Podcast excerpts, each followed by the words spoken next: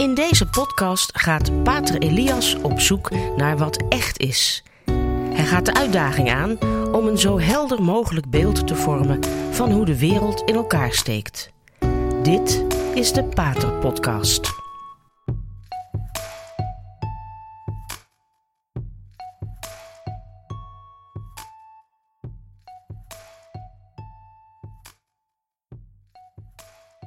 We leven in een verwarrende tijd, maar die verwarring zelf kunnen we toch plaatsen binnen het licht van de beproevingen die God toelaat.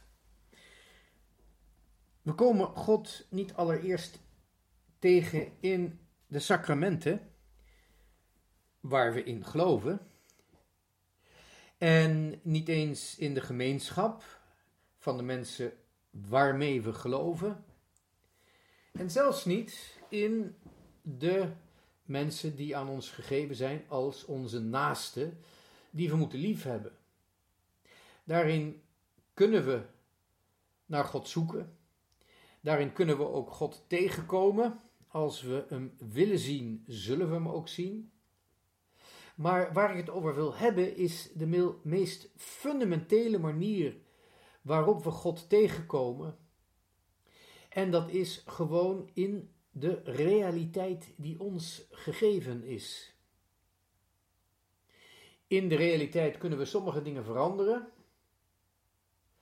Andere dingen kunnen we niet veranderen. Die proberen we dan te begrijpen. Maar het meest ongrijpbare wat ons in de realiteit wordt gegeven, dat is natuurlijk de realiteit zelf, ons eigen bestaan. En één ding weten we zeker: ons eigen bestaan kunnen we niet gewild hebben, want toen we er nog niet waren, hadden we niks te willen.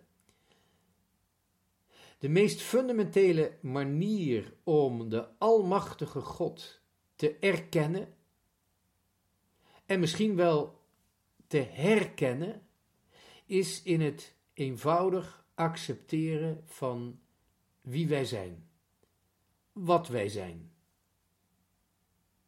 en waar we zijn en welke tijd we leven. Het meest eenvoudige waarin we God kunnen ontvangen, zoals Hij het gewild heeft, is de realiteit waarin we leven.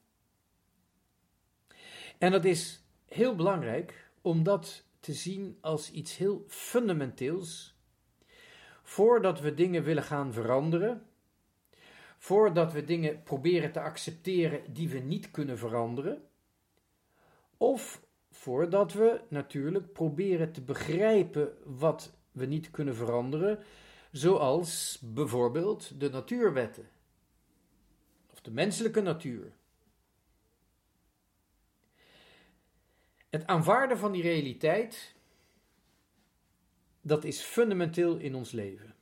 Welke godsdienst we ook kiezen, er zit een oeracceptatie van de realiteit waarin we zijn, die eigenlijk ook, als we daar de conclusies uittrekken, de oerreligie is van de mens. Er is één realiteit, met veel dingen en mensen en andere realiteiten die er zijn, maar er is één realiteit. En dus moet er ook wel één God zijn die die realiteit gewild heeft en geschapen heeft. Dat is een overweging, je mag het ook meditatie noemen, die wanneer we er tijd voor nemen, leidt tot de aanbidding van die almachtige schepper, die almachtige God. Voordat we een nadenken over welke respons we gaan geven, mogen we dat ontvangen. Mogen we dat ontvangen, die vraag naar waarom zijn wij? En voordat we iets gaan doen, mogen we stilstaan en erkennen dat er één ding is wat we nooit zullen kunnen doen, en dat is onszelf scheppen. We mogen van onszelf houden maar we kunnen nooit van onszelf houden zoals God van ons gehouden heeft, omdat Hij ons in zijn eeuwige goedheid, in zijn eeuwige lichtheid, in zijn eigen licht, geschapen heeft.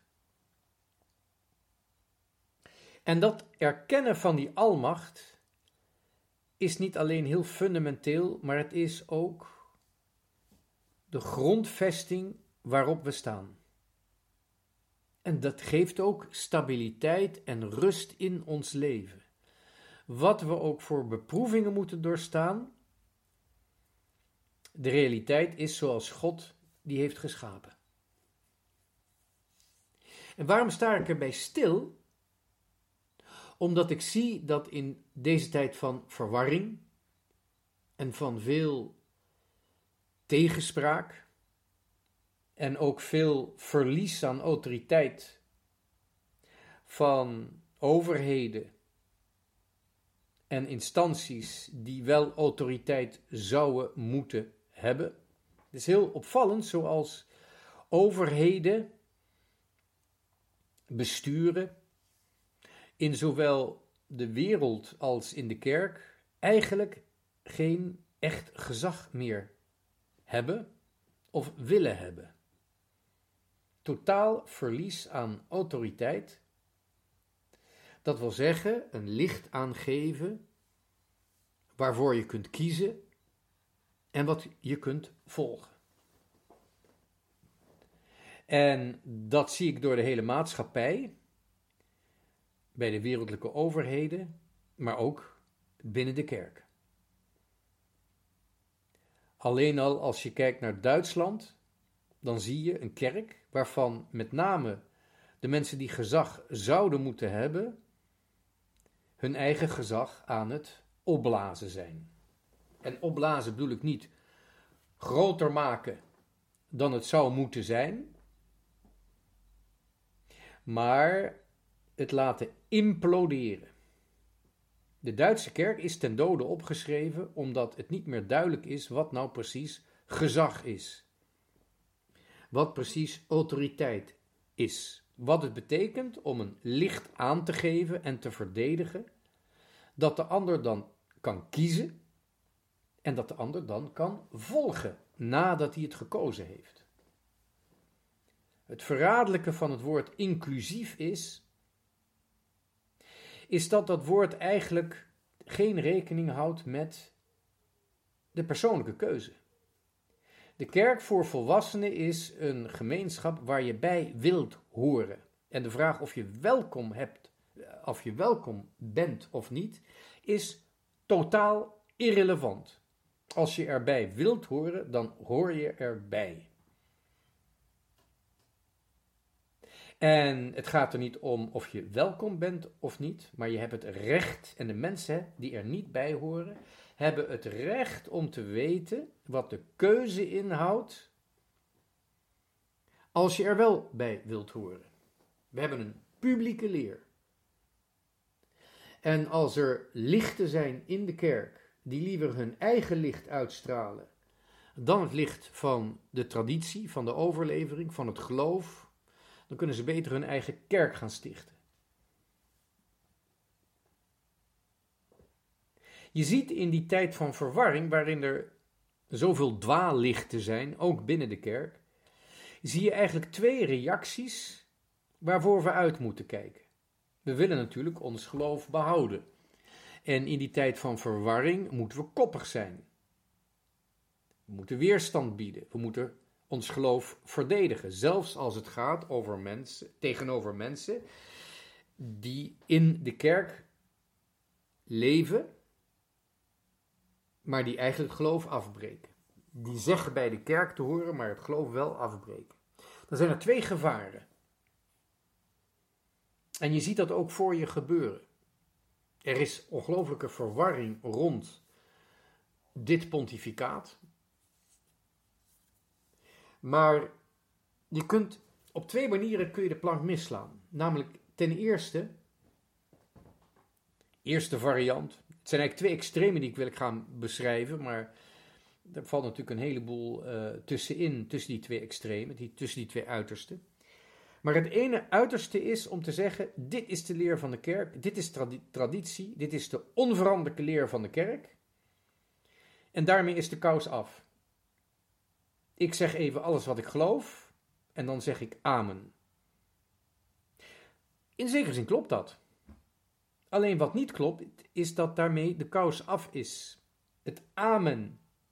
Dat we zeggen op die onveranderlijke geloofsleer, die ondersteund wordt door principes die we dogma's noemen. Dat amen wat we daarop beantwoorden is niet het laatste woord. Ik heb het al eens eerder gezegd. Het is het eerste woord. Het geloof geeft ons het begin, het uitgangspunt van een leven dat op weg gaat naar God. Of het nou is in ons persoonlijke leven of als volk, maar we zijn op weg. En het gevaar in deze, veran, eh, in deze verwarrende tijd is dat we zo gekwetst zijn of bezeerd zijn of, of ja, hoe je het ook kunt noemen. Uh, dat we zoveel schandalen hebben gezien dat we iedere leraar, iedere priester, iedere bisschop of zelfs de paus gaan eigenlijk alleen maar gaan testen op de waarheid van wat ze zeggen. Klopt het of klopt het niet? En in deze tijd van verwarring worden er een heleboel dingen gezegd die niet kloppen. En dat klopt. Het klopt dat er een heleboel dingen niet kloppen. Maar je moet er ook niet te veel tijd mee gaan verliezen, want in het tegenspreken zul je nooit de waarheid vinden. En om tegenspraak tegen te spreken, dat is wel nodig, maar daar heb je autoriteiten voor die dat zouden moeten doen. Je hebt er momenten en plaatsen voor. Maar wat je wel echt voedt, altijd, overal, en waar iedereen zich mee kan voeden, is het enige echte ware geloof. Wat katholieken kiezen in de katholieke kerk. Daar voed je je mee. Dat is je uitgangspunt. En juist door die sociale media krijg je al heel snel dat je gaat zoeken, omdat je eigenlijk gefixeerd bent op de dingen die niet kloppen. Dat je gaat zoeken naar alleen tegenspraak en dat je dat gaat tegenspreken. Je raakt als het ware in een modus van alleen maar militant zijn. Je moet militant zijn, maar dat is niet het enige. Het is zelfs niet het belangrijkst. Je kunt in die modus raken om overal op te zoeken wat niet klopt en dan aan te wijzen dat het niet klopt. Dat wordt een drijfveer voor je gedrag op de sociale media of in gesprekken met anderen, maar het kan nooit je drijfveer worden in het geloof. Je krijgt dan wat je kunt noemen het binaire denken. Het is of goed of het is slecht, maar er zijn maar twee dingen mogelijk. En dat binaire denken is niet katholiek. De katholiek is non-binair. De katholiek is namelijk trinair. En je krijgt ook, dat zie je nu in de heftige discussie die er rond de oorlog in de Oekraïne gaande is. Er zijn vele mensen die aanwijzen wat er niet klopt in de westerse politiek, de Oekraïnse politiek, Amerikaanse, Europese politiek. En dat kan, het moet zelfs. Maar omdat ze die fouten aanwijzen en kunnen aanwijzen, en ze geen fouten bij de Russen kunnen aanwijzen of niet willen aanwijzen, geven ze Poetin gelijk. En we weten nou eenmaal dat in geen enkel conflict het eenvoudig verdeeld kan worden tussen de good guys en de bad guys, tussen de goede en de slechte. En dus ook hier zijn er geen puur goede en geen puur slechte. Maar er zijn wel mensen die in vrijheid willen leven en die zelf willen bepalen welke richting ze opgaan. En dat is zeker het, bij het geval bij een kleine minderheid in de Oekraïne. Of misschien is het wel, ik denk trouwens dat het geen kleine minderheid is, maar een grote meerderheid. En die mogen dus verdedigd worden. En het vervelende is dat de mensen die in die anti-modus zitten, die dus alleen maar kritiek hebben op wat het Westen doet, dat zij vaak volkomen meebalken of meekwaken als kippen zonder kop, of eenden zonder kop, hoe je het ook zegt, met de propaganda uit Moskou. En niet zien dat het bewind in Moskou op het ogenblik niet democratisch is, dus het gaat ook niet over de Russen, maar het gaat over een kleine secte die de geheime dienst heet. Het woord speciaal in het Russisch, specialne, wijst daarop. Alles wat in Rusland specialne wordt genoemd, dat heeft een connotatie, een bijbetekenis, dat het namelijk vanuit de geheime dienst wordt georganiseerd. Dat geldt ook voor deze Specialnia Vojennia Operatia. De speciale militaire of oorlogsoperatie. Het woord speciaal laat zien dat het georganiseerd is vanuit de geheime diensten. En dat is niet zomaar iets. De geheime dienst, die is opgericht na de Russische Revolutie, is een secte. Die waarschijnlijk de meest moorddadige anti-katholieke en anti-christelijke machine is geweest die ooit in de wereld is opgezet. En het is dus uitermate beschamend, stuitend, ik zou bijna zeggen, het is verraad, wanneer traditionalistische katholieken zich aansluiten bij de propagandamachine van Moskou, waarin het patriarchaat een sleutelrol speelt. Zij doen dat als een beschaming, of laat ik het zo zeggen, het is een beschamend verraad aan de duizenden die hun leven hebben gegeven voor het geloof en die gemorteld, gem, vermoord, gemarteld zijn door de speciale dienst van de Sovjet-Unie. De enige structuur, het enige instituut dat de val van het communisme heeft overleefd en in feite de macht heeft gegrepen.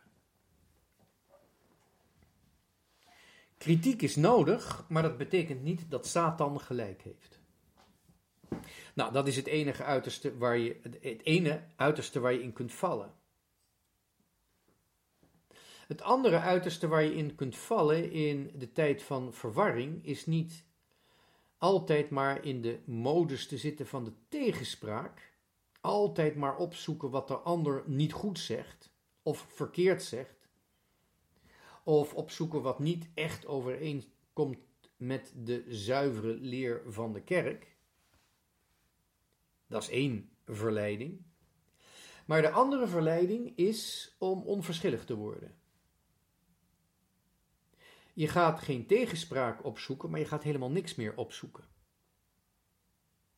De waarheid is irrelevant geworden. Het maakt niet uit. Doe maar wat je zelf voelt. En dat is in feite het andere extreem, waar je niet uitkomt als je alleen maar tegenspraak opzoekt, of de fouten van de ander. Maar als je alles goed vindt en geen fouten wil zien. Het is een uiterste waar je uit kunt komen. Als je onder het mom van pastorale tolerantie of pastorale begeleiding of pastorale inclusiviteit, als je helemaal niets meer durft tegen te spreken, als iedereen helemaal maar uit zijn gevoel moet leven en jij dus als enig advies kunt geven om vanuit je gevoel te leven. Dat alles dus maar normaal is en dat je nooit iemand mag tegenspreken. En dan hoef ik niet naar Moskou te gaan. Dan kan ik gewoon in onze eigen land, in ons eigen land blijven. En de dictatuur die er op het ogenblik heerst rond iets dat heel eenvoudig is, namelijk de menselijke vruchtbaarheid. Ook daarin is een katholiek non-binair. Het heeft geen zin om over het verschil tussen man en vrouw te praten, over die dualiteit tussen man en vrouw, als je daar niet bij betrekt een derde persoon, namelijk het kind. Wij zijn non-binair omdat we trinair zijn. Er is geen dualiteit, er is een trialiteit. Weet of woord bestaat, maar we gaan het vandaag uitvinden. En wanneer dat wordt losgekoppeld, wanneer je alleen maar binair gaat denken over man en vrouw, geen wonder dat er dan niets overblijft van je menselijke identiteit waarin je het leven kunt doorgeven. En terwijl die verwarring enorm heerst, mag je er eigenlijk niks tegen zeggen. Als je niet helemaal eens bent met de hele LGBT plus agenda, dan lig je eruit. Dan kom je in de gevarenzone. Zelfs als je dat doet door erop te wijzen dat de medische wereld toch wel erg veel geld aan het verdienen is aan pubers die niet goed in hun vel zitten. Mensen, sinds de uitvinding van de mens, sinds er pubers zijn geweest, zitten die niet goed in hun vel. Dat hoort bij de puberteit. En godzijdank zit je als puber niet goed in je vel, want je leert daardoor om te strijden om iemand te worden. Om iets met je leven te doen dat de moeite waard is. Daar word je een volwassen mens van. Heel rottig voor die ouders, want het ideale kind gaat puberen en dan is het dus minder ideaal en heeft ineens opvoeding nodig, gaat weerstand bieden. Maar het is absoluut de normaalste zaak van een wereld dat je je als puber niet goed in je vel voelt. Wat er in onze tijd alleen bij is gekomen, en weinig mensen beseffen dat. Ik zou bijna zeggen dat is niet eens de seksuele revolutie. Dat is niet eens alleen het verdwijnen van vruchtbaarheid uit onze seksuele identiteit. Er is iets veel, er is een veel sterkere invloed aanwezig, waardoor pubers, gevoelige pubers, breekbare pubers, kwetsbare pubers, waardoor zij het gevoel voor identiteit verliezen. Dat is namelijk de commerciële reclame. Wetenschap en kennis kan altijd misbruikt worden en de psychologie dus ook. De beste psychologen, of misschien sommige van de beste psychologen, werken om reclame te maken. Dat wil zeggen, de mens te manipuleren, zodat hij zich schuldig voelt als hij iets niet koopt. Oftewel, de mens kan alleen maar zijn identiteit vinden en bevestigen en behouden als hij rotzooi koopt die hij niet nodig heeft. Dat is het principe van de reclame. En als bijeffect, omdat de reclame een volstrekt irreëel ideaal beeld geeft van man of vrouw zijn, als gevolg daarvan noemt, voelt ook niemand zich meer ideaal man of ideaal vrouw. Wij zijn namelijk geen van ons allen ideaal man of ideaal vrouw. En daar herinnert de reclame ons telkens weer aan. En dan krijg je dus de moderne versie van de aflaathandel. Koop deze rotzooi die je niet nodig hebt. Onderneem deze reis, die net zo saai is als de andere reizen. En dan voel je je een mens, dan voel je een man, dan voel je een vrouw. Dat is denk ik uiteindelijk de manier waarop die leegte in ons wordt opgevuld, die is ontstaan omdat we geen wezensvragen mogen stellen. En daarvoor hoeven we niet naar Moskou te gaan. Daar kwam je in de gevangenis terecht. 30 jaar geleden als je wezensvragen stelde. Maar als je die hier bij ons stelt, kom je niet in een gevangenis terecht, maar je wordt wel uitgekotst. Of je krijgt heel wat weerstand in je omgeving, want dat mag je toch niet zeggen. Dus in deze tijd van verwarring is het heel belangrijk om te blijven aanbidden, God te erkennen als de Almachtige God om Gods wil ook te zoeken, om pas een autoriteit, een autoriteit te vertrouwen die ook autoriteit wil zijn. En dat geldt voornamelijk in de kerk. Zoek autoriteiten op die zich echt voor de mensen interesseren en toch niet bang zijn om ook onpopulaire dingen te zeggen. Alleen een, een, alleen een gezag dat ook vervelende dingen kan zeggen, zal zijn gezag behouden. Daar moet het niet bij blijven, niet alleen maar kritiek, maar het moet een richting aanwijzen. Als je de ene richting inslaat, kun je niet de andere richting inslaan. Zoek in deze tijd autoriteiten die echt licht geven. Een licht dat je mag kiezen, dus die autoriteit moet je ook die keuzevrijheid laten. Dat wil zeggen, hij moet je niet naar de mond praten. Hij moet niet inclusief zijn en je welkom heet. Maar je als volwassene behandelen, zeggen waar het over gaat en je de keuze vrij laten of je die vrij laten nemen, of je erbij wil horen of niet. En dan hoef je ook niet in die depressieve houding te blijven van het tegenspreken, altijd maar weer anti zijn, want er klopt zoveel niet. En aan de andere kant hoef je ook niet in de verleiding van de onverschilligheid te vallen, want je mag iets kiezen. Het is interessant. En omdat je iets kiest, dan zul je ook niet depressief worden, depressief worden. Want als je iets kiest, moet je offers brengen. En het is een heel mysterieus iets, maar juist offers, die maken het leven de moeite waard. Die geven ons eigen waarde. Terwijl als je onverschillig bent, of jezelf eigenlijk die onverschilligheid en die middelmatigheid opdringt, dan word je alleen maar depressiever. En je gaat ook jezelf minachten. Nou, ik hoop dat dat een, uh, wat steun geeft om de komst van de Heilige Geest voor te bereiden. God geeft ons genoeg licht. God geeft ons dat licht in een realiteit die we aanvaarden. In die realiteit die we aanvaarden, geeft God ons licht en we zien het. Als we erom vragen.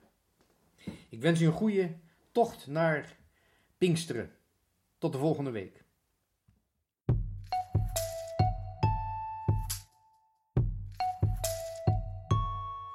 Dit was de Radio Maria Pater Podcast met Pater Elias.